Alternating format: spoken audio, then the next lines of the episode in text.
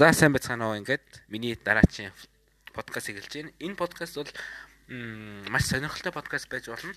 Яг тэгвэл зарим хүмүүсийн маш их сонирхдаг, а зарим хүмүүс ерөөсөө мэддэггүй зүйлийн тухай ярина. За энэ юу вэ гэвэл шуудангийн маркны цуглуулгын тухай. Болон шуудангийн марк гэж юу вэ? Тэгэхээр энэ подкастыг би ганцаараа хийш өөрийнхөө марк цуглуулдаг хамтрагчтайгаа Цолмон Туяатай хамт хийх болно. Тэгэхээр Соломон Тоя хүмүүстэй сонсогчтойгоо мэдлэлчээр. За сайн байна уу? За за тэгвэл хоёлаа шууд яриага эхлүүлье да. За тэгвэл марк гэж юу вэ? Шуудангийн марк гэж юу вэ? Та нар ингээд захайг харж байвал ингээд захааны баруун талд юм уу дугтойны баруун талд нэг жижигхэн гой гой юмны зурагтай тийм нэг дүрс байдаг да. Тэгээ хүмүүс дэрэг чинь нөгөө худалдаж аваад нөгөө наадаг штэ. За тэгвэл марк гэж юу вэ гэдгийг цалман тоя хэлэх гэж байна. За шуудангийн марк гэдэг нь шуудангийн мөнгө төлсний баримт болгон загтал бэхжээ зэрэг наах мөнгө төгрөгийн тоо бүхий зурагтай цаас юм аа. А ер нь бол тийм. Одоо та нар маркийг сайн харуул тедэн төгрөг тедэн төгрөг гэсэн маа. Тэр нь бол шуудангийн ер нь үйлчлэгний хөлс гэсэн үг л дээ, тэ. Тэгэд анхны марк гэж бодъё л доо. Мэдээч марк аль эрт хүннүүгийн үеэс л гараагүй, тэ. Хүннүүгөө чинь зүгээр ам загтал, тэ. Зүгээр ингээд дээр үеийн шар цаасан дээр монголчууд бичсэн захидлууд байсан шүү дээ. За яг энэ албан ёсны марк анх хаана хизээ үүссэн бэ? За дэлхийн анхны шуудангийн марк бол 1840 онд 5 сарын 1-нд Английн хатан хаан Викториагийн хөрөг зурагтай гарсан байна. Англи уу? Аа. Английн хатан хааны зурагтай. Тэгэхээр хамгийн анхны марк Их Британи улсын байна тийм ээ? За тэгээд тэрнээс хойш улс болгон шуудан болгон ашигладаг болсон тий. Аа. Тэгэхээр ийм очиртай байх нэ. Тэгээд миний харсанчлал нөгөө Лондон гэхээр нэг Лондон гэхээр надад нэг хоёр юм санаад буудیں۔ Нэг нь улаан өнгийн нэг ингээд уцаар ярддаг тийм бүхэг байдаг тий. Аа. Тэр уцаар ярддаг бүхэг санаад ордیں۔ Аа нөгөөх нь юу яг бол ингээд яг улаан өнгийн цилиндр хэлбэртэй нөгөө яг шуудангийн ил загталтэй шуудан хийдэг нэг тийм төмөр сав байдаг штэ гудамжинд. Аа Тэ. Тэр яг санаанд ордог байхгүй юу? Тэгэхээр яг л их Британд анх үүссэн болохоор тийм их төгөөмөл байдсан байна. 1 сарын 17 оны одоо саяхан Солонтой бид хоёр яг төв шуудан хажуугаар явж байгаад амар даарад тэгээ бид хоёр дулаац гээд шуудаа ороод тэнгуут нөгөө шууданд нөгөө сүвнэрийн дэлгөө зардаг шүү дээ. Тэгээд тэдний үзээд тэг явж исэн чинь нэг айгуу гоё тийм танилцуулга цаас үзээд тэгсэн чинь тэр Монгол марк юм үзээгээд пөх марк хүмүүс нэр марк зөвлүүлж ирсэн маркны музей бас байд юм биш тэгээд бодоо тэр хайгаад асууад тэгсэн чинь мянган төгрөгээд тэгээд хоёр үтсэн айгуу гоё музейсэн тий Аа. За тэгээд тэр музей маркын музейн дотор нь болохоор бүр бүх юмнууд нээсэн. Тэгээд алтан маркнууд нь бүр жазанд хийсэн. Тэгээд докторнууд нь болохоор хамгийн дээдлэлт нь ингээд игнүүлээ зогссон. Тэгээд амар гоё зохиогчийнх нь ингээд гар хэсгнүүдтэй байсан. Аа нөгөө анхны өдрийн тогтоог хэлж байна те. Зөв. 1924 оны анхны Элдв очин маркаас эхлүүлээд 2019 оны хамгийн сүүлчийн марк те 1058 дугаарын марк хүртэл бүх маркууд байна лээ. Та бүхэн мянган төгрөгөөр үзэх боломжтой юм билээ. Тэгээд бид хоёр тэр маркууд үзээд хүмүүсийн марк цуглуулдаг учир нь ийм юм байна. Маш олон зүйлийг ойлгож аваад марк болгон түүх өгүүлт юм байна. Марк болгоны цаана маш их асар хөдөлмөр байд юм байна. Монгол марк бусад маркуудаас юугаар ялгаатай нь нөгөө чимхлүүр ажил те тэр зураглалаараа маш ондоо юм байна. Гадаадын марк одоо герман германы маркийг ингээд би бас харлаа та тэгсэн чинь зүгээр л ирвэх юм ирвэхээ уул мол ус гол молны л зурагтай. Нэг гоё зураг алга алга байна. Монгол маркийг чинь тэр дээр үеийн маркуудыг үзэхээр айгүй гоёсэн те. Аа. Дандаа ингээд гоё өвөрмөц өвөрмөц тэгээд бас уран зургийн талаар маркнууд оруулсан байсан. Яалчгүй тийм. Яг бол хамгийн ихний маркийн тухай бид та мэдээлэл хүргэе. Хамгийн анхны марк 1924 оны 7 сарын 1-нд билүү? 6 сарын 1-нд гарлоо. 7 сарын 1. 7 сарын 1-нд гарсан. Тэгээд Марзан шаруу гэдэг үнэхээр алдартай уран бүтээл зурагч байдаг шүү дээ. Тэр хүний анхны зурсан Элдв очир гэдэг очирны хэлбэртэй зурагтай марк анх гарсан байна. Тэгэнгүүт эхний хідэн маркууд бүгдээрээ марцсан шарын маркууд байна. Тэгвэл яалчгүй уран зургийн үнэхээр томоохон А гэхдээ хэлбэр хэмжээгээр бол жижиг шүү дээ. Хэлбэр хэмжээгээр нэг гарын алганд багтахаар мөртлөө үн цэнээрээ маш том тийм уран бүтээл тэгээд өөр талаар нь энийг уран зураг гэж харж болно. А төлбөрийн хэрэгсэл буюу и баримт. Тэгээ орчин үеийн и баримт дээр нь бол и баримт харж болно. А эсвэл зүгээр шууд үнэт цаастай худалдаж болно те 200 төгрөгийн маркийг 200 төгрөгөөр зарна дээ. Чи өсөөд ямар ч мөнгөгүй тэгсэн мөртлөө марк чамд байвал маркны оронд чи бишиг гуанз авч гуанзанд бишиг авч байгаа шүү дээ. 1924 оны 7 дугаар сарын 1-нд хэвлэгдсэн. Тэр элдв очийн марк нь одоо 1 2 5 10 20 50 цент гэсэн. Тэгээд бүр 1 доллар хүртэл тийм марк байна. Яа тэгэл тухайн үед монголчуудын центийн валютай байсан. Тэгэхээр дээрээс нь би бас хэлье. Одоо нөгөө түн хэлсэн шүү дээ. И баримт, үнэт цаас, тэгээд уран зураг. Дээрээс нь энэ өөрөө түүхийн баримт болт юм байна. Яагаад вэ гэвэл марк болгоноос түүх өгүүлдэг, марк болгоно түүх өгүүлдэг гэдэг үгийн адил. Марк болгоноос түүхийг харж болно. Жишээлбэл анхны маркаас хараад анхны марк дээр ингээд монголчууд ийм центр хэрэглэдэг байна гэж харж болно те. Аа 1990 оны арчлын үеийн маркууд байна те. Тэн дээрс арчлын зургуудыг харж болно. Аа тэгээд тэрнээс өмнөх үеийн одоо лам нарын те гантан мандангийн зураг харж болно. Аа тэгээд томоохон үйл явдлуудыг харж болно шүү дээ. Тэгэхээр ихэвчлэн маркууд ямар утга агуулгатай ямар учраас маркууд одоо маркийн одоо дээр юу юу байдаг вэ? Одоо ингээд ямар нэгэн зүйлийн он жилийн зүйл эсвэл тухайн үйл явдал гэдэг те. Чи нэг сайхан нөгөө 1977 оны анхны хийм бөмбөлгийн нөгөө нислэг гэдэг юм марк авсан байсан те. Тэр нээр бас ингээд дурсамжтай байхгүй хүмүүст харахад тийм. За тэр маркийг маркаас түүх харж болно гэдэг шиг ирээдүйд одоо энэ маркийг хараад тэр тэр тухайн үед ямар хөө байсан тэгээд алтартай зүйлүүдийн талаар харж болно. Тэгэхээр марк бол нэг талаараа үнэт цаас, ууран зураг тэгээд и баримт, төлбөрийн баримттай тэгээд Дээрээс нь түүхийн гэрчилгээ, түүхийн баримт болт юм байна. Тэгэхээр бас магадгүй тухайн улсын аж ахуй те хөгжлөлт бас харж болно. Тэгэхээр марк бол зүгээр зүгээр л байдаг нэг жижигхэн цаас, цавуутай тэгээд олон талын шүдтэй тийм цаас биш. Маш их түүх агуулсан, маш их үн цэнтэй. Одоо миний түрүүн хэлсэн шүү дээ алганд багтж байгаа тийм жижигхэн ирээн цоохор цаас мөртлөө үүрэг нь үнэт цэн үн цэн нь томоохон хэмжээтэй байна.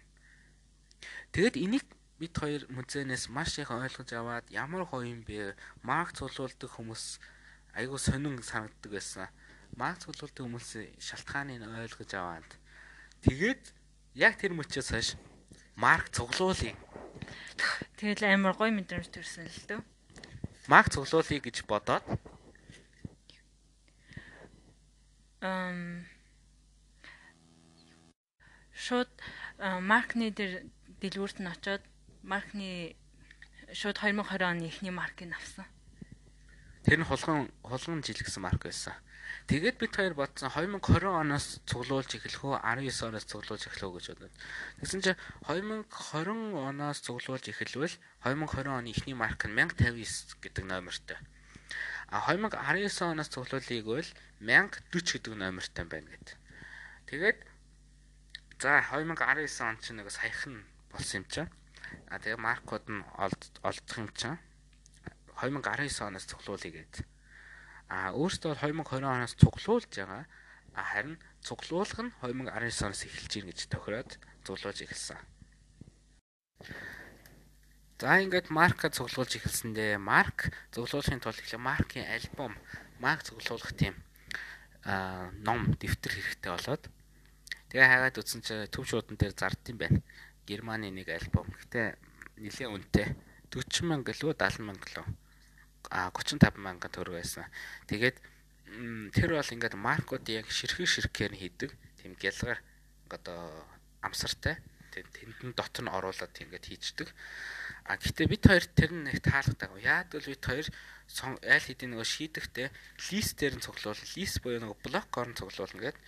Одоо лист блок гэдэг нь тухайн маркийн одоо тухайн маркийн ингээд одоо цогц бүтэцэл гэж хэлж болно л да. Одоо жишээл 2019 оны Гахажил гэдэг марк нь бол ингээд гоё аймаа гоё хүрээтэй заяа гоё Монгол хүрээтэй дээрээ гахаажил гэж доороо Year of the Pig гэж англи бичсэн. Тэгээд дундаа ингээд нийт 10 ширхэг 654-ний марк заяа. Тэгээд дунд нь ингээд Монгол сүлд мүлдний зурагтай ингээд ийм гоё цогцоор нь заяа. 10 ширхэг марк гэсэн шүү дээ. Ингээд блок буюу лист дээр ингээд 7150 төгрөг байна. Тэгээ ингэж листээр цуглуулж учраас хэрвээ листээр цуглуулвал тэр 35 мянган төгрөгийн ширхгэн цуглуулдаг альбом таарахгүй байна. Яа тэгвэл ер нь бол орчин үеэс дээр үед бол марк бол яг ширхэг ширхгээр гардаг одоо ийм лист блокоор нэх гардаггүй байсан. Үед тэгж гардаг болсон. Гэт тэгж листээр нь цуглуулахын тулд бид хоёр маш гоё санаа гаргаад 100 хуудастай жирийн багш нарт байдаг одоо хавц байдэн штэ хоёр талаас нь харагддаг. Дээрээс нь цаас А4 хэмжээтэй цаас идэг. Тим хавц хийгээд Тэгээд 1040-оос нэхлүүлээд цуглуулж эхэлж байгаа. Хамгийн гол нь бид цай цуглуулахдаа бас нэг шинэлэг зүйл нь юу вэ гэвэл марк А4-ийн цаасан дээр тогтоогоод одоо бараг нааж тогтоогоод тэгээд хажууд нь мэдээж наахгүй л те зүгээр наасан мэтэр тогтоогоод хажууд нь нэр анхны өдрийн зохиогч зураач хевлийн арга листийн хэмжээ серийн үн мөн гэдэг тэгээд нэмэлт мэдээллийн тухай ингээд бичээд бичээд явж байгаа. Тэгээд магадгүй олон жилийн дараа хараад айгуу гоё байх бах те. Аа. Үнэхээр дурсамжтай явах хаа. Тийм шүү. Тэгээ 1040 дэх марк нь гахаа жилгээд нэртэй 1041 нь Эрдэнэт 40 жилгээс нэртэй.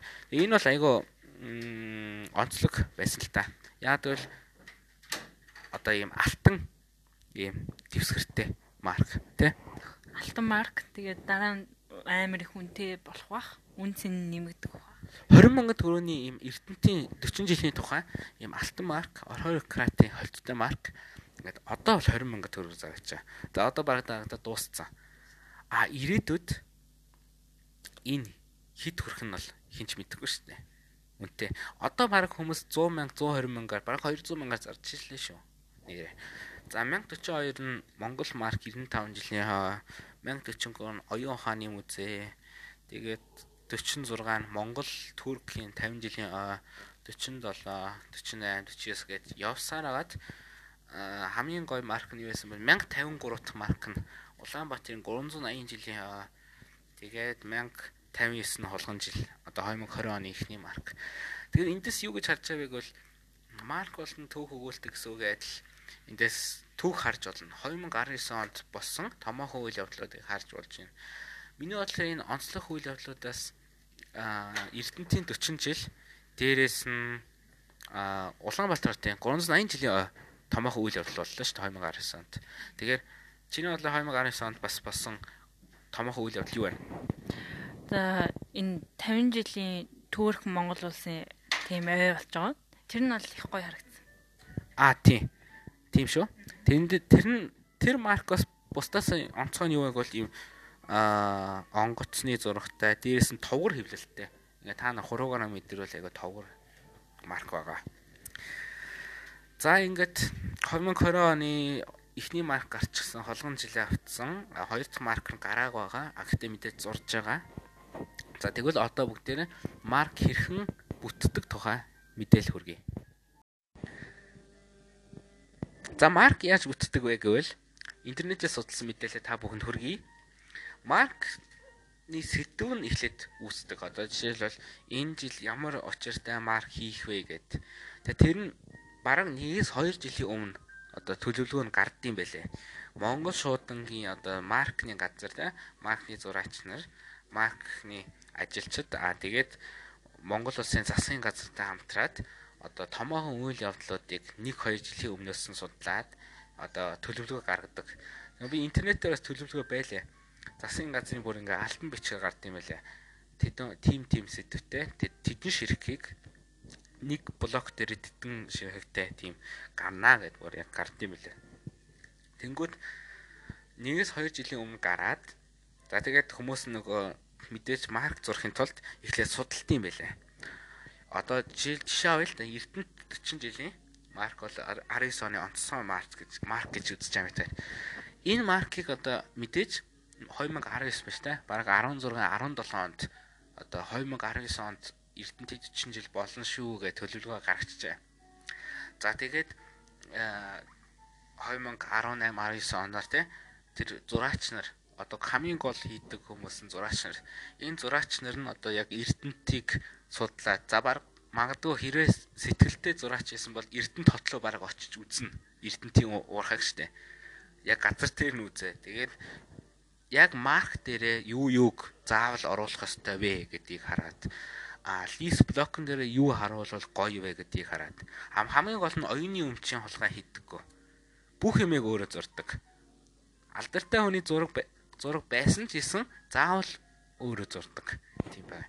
Тэнгүүт яг энэ маркн дотор ингээд уурхай чинь харуулах уу тэгээд том машин харуулах уу эсвэл зүгээр нүүрс ингээд овоосон нүүрс харуулах юм аалах гэдэг ингээд боддог. Тэгэж төлөвлөөд төлөвснийхаа дараа яг бодож эхэлт юм байлээ. Бод ингээд зурж. Тэгээд би интернет зураг харсан чинь яг ингээд амар том заяа. Амар том баран А3, А2-ын хэмжээтэй цаасан дээр зураад Тэгээд дараа нь тэрийг нөгөө сканерд жижигрүүлд юм байлээ. Тэгэхээр мэдээч маркны хэмжээгээр жижигхэн зурдаг. Айгүй томоор зурчаад жижигрүүлд юм байлээ шүү. Тэгээд дараа нь зурч дуусангуудаа мэдээж тус тусдан зурна шүү ингээд юмнуудыг. Тэгээд зурглуудыг тус тусдан зурчаад дараа нь одоо дизайнер ажиллаа гэдэг. Дизайн юу вэ гэвэл маркны нөгөө яг листнээс хаагуур нь авах тий. Тэгээ хаана байлуулах вэ? Тэгээд аль зураг нь аль зургийн наан цаана байх уу гэдгийг шийдээд ингээд зур ингээд зураг зурсан зураачийн зургнуудыг ингээд байрлын гоё олдог. Тэгээд тэгээд тэрийг одоо маш олон удаа шалгаад 7 хэмжээс нэг огтл гэдгээр шалгаад тий 7 хэмжээд нэг огтл Дамитк нь баг 8 хэмжээд нэг огтлж байгаа шин маркных нь. Тэгээд амар сайн шалгаад алдаатай юм зураг байна тий эсвэл буруу зурцсан юм байна шалгаад. Тэгээд Монголд хэвлдэггүй. Гадаад хэвлд юм байна. Тэгээд Францд гэлөө Германд гэлөө. Одоогоор Францд хэвлж байгаа юм байлээ. Одоогоор. Яг дээр үе социалистын үед бол нөгөө Герман, Орос, Морс хэвлж исэн байна. Германд хэвлэл. Их хвчлэн Германд. Ууса манай пассворт Улаанбаатар нөгөө юу Монгол улсын улаан өнгийн зүгээр гадаад пассворт чинь Германд хэвлэж байгаа шүү дээ одоо тий. Тэгэхээр Ингээд хэвлэлтэнд явуулаад хэвлэлтэнд явсан марк нь ойролцоогоор 1 сарын дараа ирдэг. Нэг удахгүй азтай. Тийм байна. Тэгээд мэдээж онгоцоор яваад онгоцоор шүү дээ. Тэгээд тухайн 5 мянга ч юм уу 10 мянган ширхэг хэвлээд тэгээд ирдэг. Тэгээ ирснийхэн дараа нөгөө нийлтийн өдөр буюу анхны өдөр гэж нэрлэдэг. Анхны өдрийн дугтуу гэж байдیں۔ АОД гэж нэрлэлсэн. Анхны өдрийн дугтуу гэж юу вэ? За анхны өдрийн тогтоо гэдэг нь тэр зохиогч он гарын үсгтэй тийм тогтоо байдаг. Тэгээд бусдаас илүү онцгой өвөрмөц. Зохиогчийн гарын үсгээс илүү яг тэр тогтоон зориулсан тэр там нөгөө маркн зориулсан тийм тамгатай тамгаар дарсан тэгээд мэдээж марка наагаад тэгээд дугтуун дээрээ ч гэсэн тухай сэдвийн тийм зургтай анхны үеийн тогтоо. Тэгээд тэр нь бол айгүй цөөхөн ширхэг гардаг. Маркийг бодвол маш цөөхөн 100хан ширхэг ч юм уу, 50хан ширхэг ч юм уу. За нэг бараг зарим нөгөө юу Юрэ Гагарины анхны үеийн тогтоо баг 14хан ширхэг гарсан юм шиг л шүү дээ. Тийм цөөхөн гараад гайгүй нилээ үнэтэй бас 10 мянга ч юм уу те 20 мянга ч юм. Гэхдээ ерөнхийдөө бол ингээд ингээд хүмүүсийн гарт хүртэл болдог баа. Тэгээ ерөнхийдөө бол энэ анхны өдрийн тогтооч Маркс гэсэн яг худалдаанд гарснаас хойш айгүй амархан дуустдаг марк байна. А одоо болтол дуусаагүй 1970-аад оны 80-аад оны маркууд ч байна. Хамгийн гол нь хүмүүсийн нөгөө сонголтноос л харагдаад байна. Зарим маркууд бол айгүй амархан зарагдаад зарим маркууд зарагдахгүй байна. Жишээлбэл энэ Турк Монголын 50 жилийн марк айгүй амархан зарагдахгүй те. Ерөөсө одоо хүртэл байгаад байна шүү дээ. А тэгсэн мөртлөө хятад Монголын 2019 оны тийм марк одоо заагдаад аюу амархан заагдаад дуусчихэ. Яагаад эзлэхийн хэмжээтэй хийвсэн бол ягаад зарим нь хурдан зардаа зарим нь хурдан зардахгүй байна гэдэг хүмүүсийн сонголттой байна л да. Гой харагдах, гой харагдах үгүй тий. Тэгээд юутай ч хамгийн гой хамгийн гол нь нэг бичгтэйг хуулийн юу байг бол тухайн марк анх хэвлэлтэнд гарсан арилжааны үнээс маш хурдан үн өсдөг. Инфляц маш хурдан өсдөг. Одоо нэг шаар инфляци шаар үлэхтэй зөрлөлтөө штэ. Таах нийгэмдэр үзнэ үү? Зэвгүй. Зэвгүй. Зэвгүй. Нэр юу? Ямар санаа. За инфляц гэж нөгөө үнийн хөрөгдлийг хэлээ л дээ. Үнэн нөгөө хий хоосон хөрөгдлийг хэлнэ.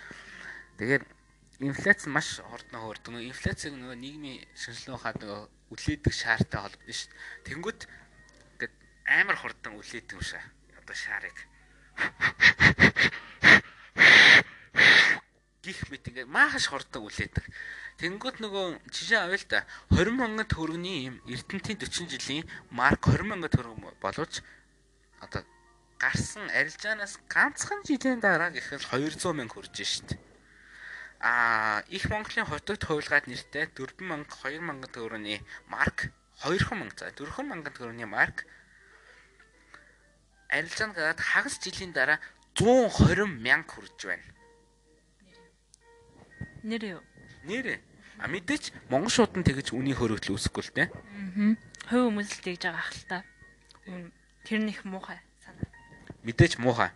Хөө хүмүүс одоо дам дам зарагч нар, шагалагч нар одоо үний хөөрөгдөл инфляцийг ашиглаж мөнгө олдог хүмүүс тий Чи бодлоо 2000 төгрөгнийхнээс 10 ширхэг авлаа л дээ 2000 төгрөгийн марк 10 ширхэг авлаа арилжаанд гарахт нь 20000-аас гарна шүү дээ.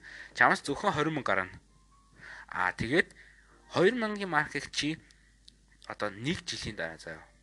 Одоо ингээ марк нэг зарагдаад дуусангаа заяа. Төв шуудан заяа зарагдаад дуусангот нь 20000-аар зарвал чи 200 мянгаыг олно шүү дээ.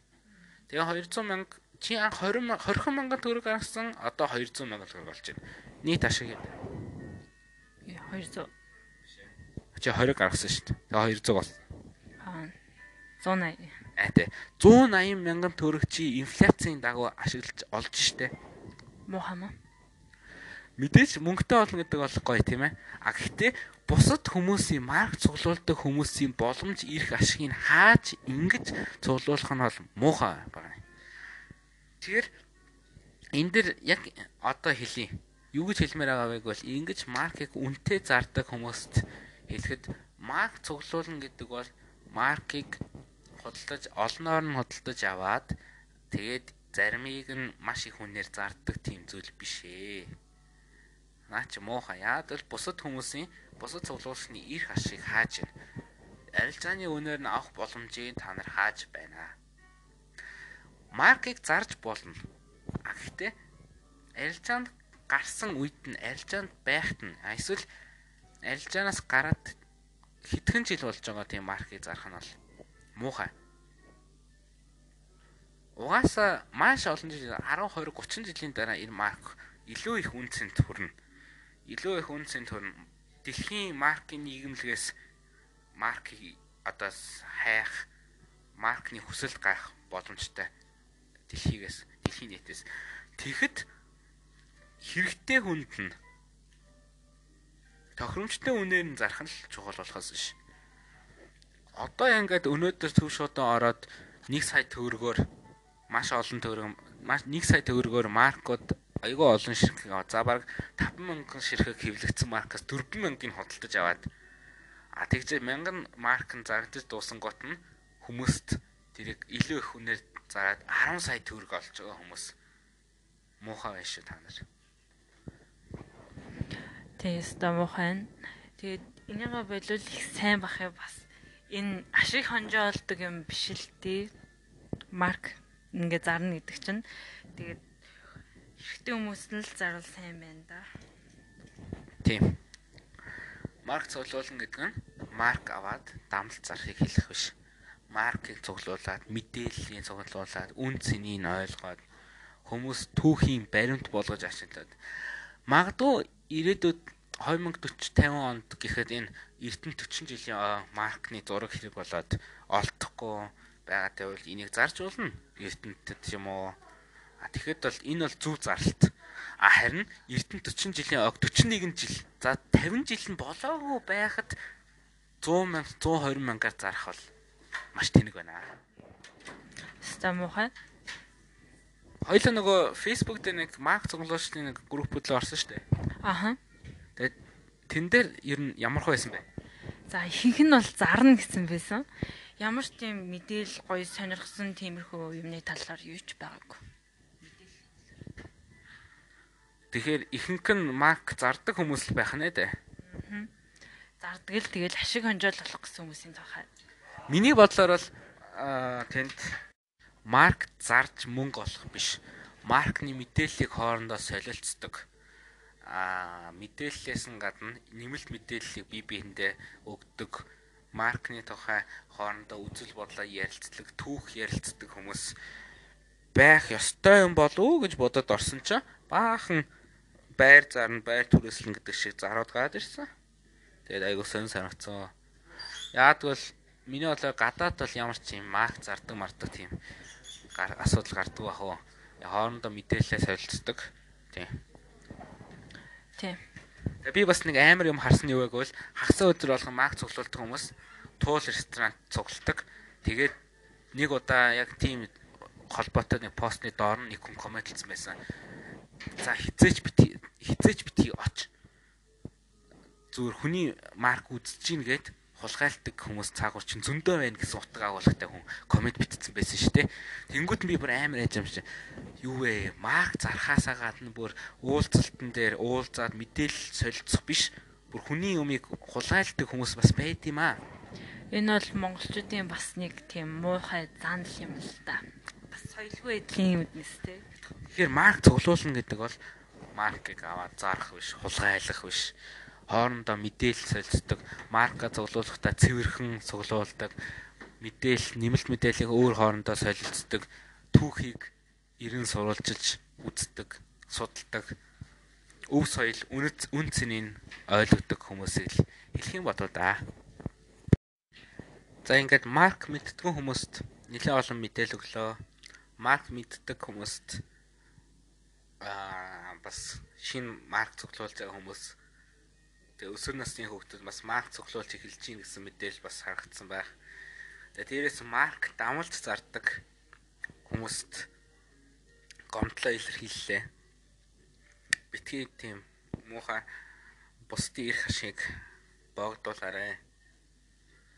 Мм тэгээ дээрээс нь бүгдээрээ марк цуглуулдаг нэг л хоббит юм чам.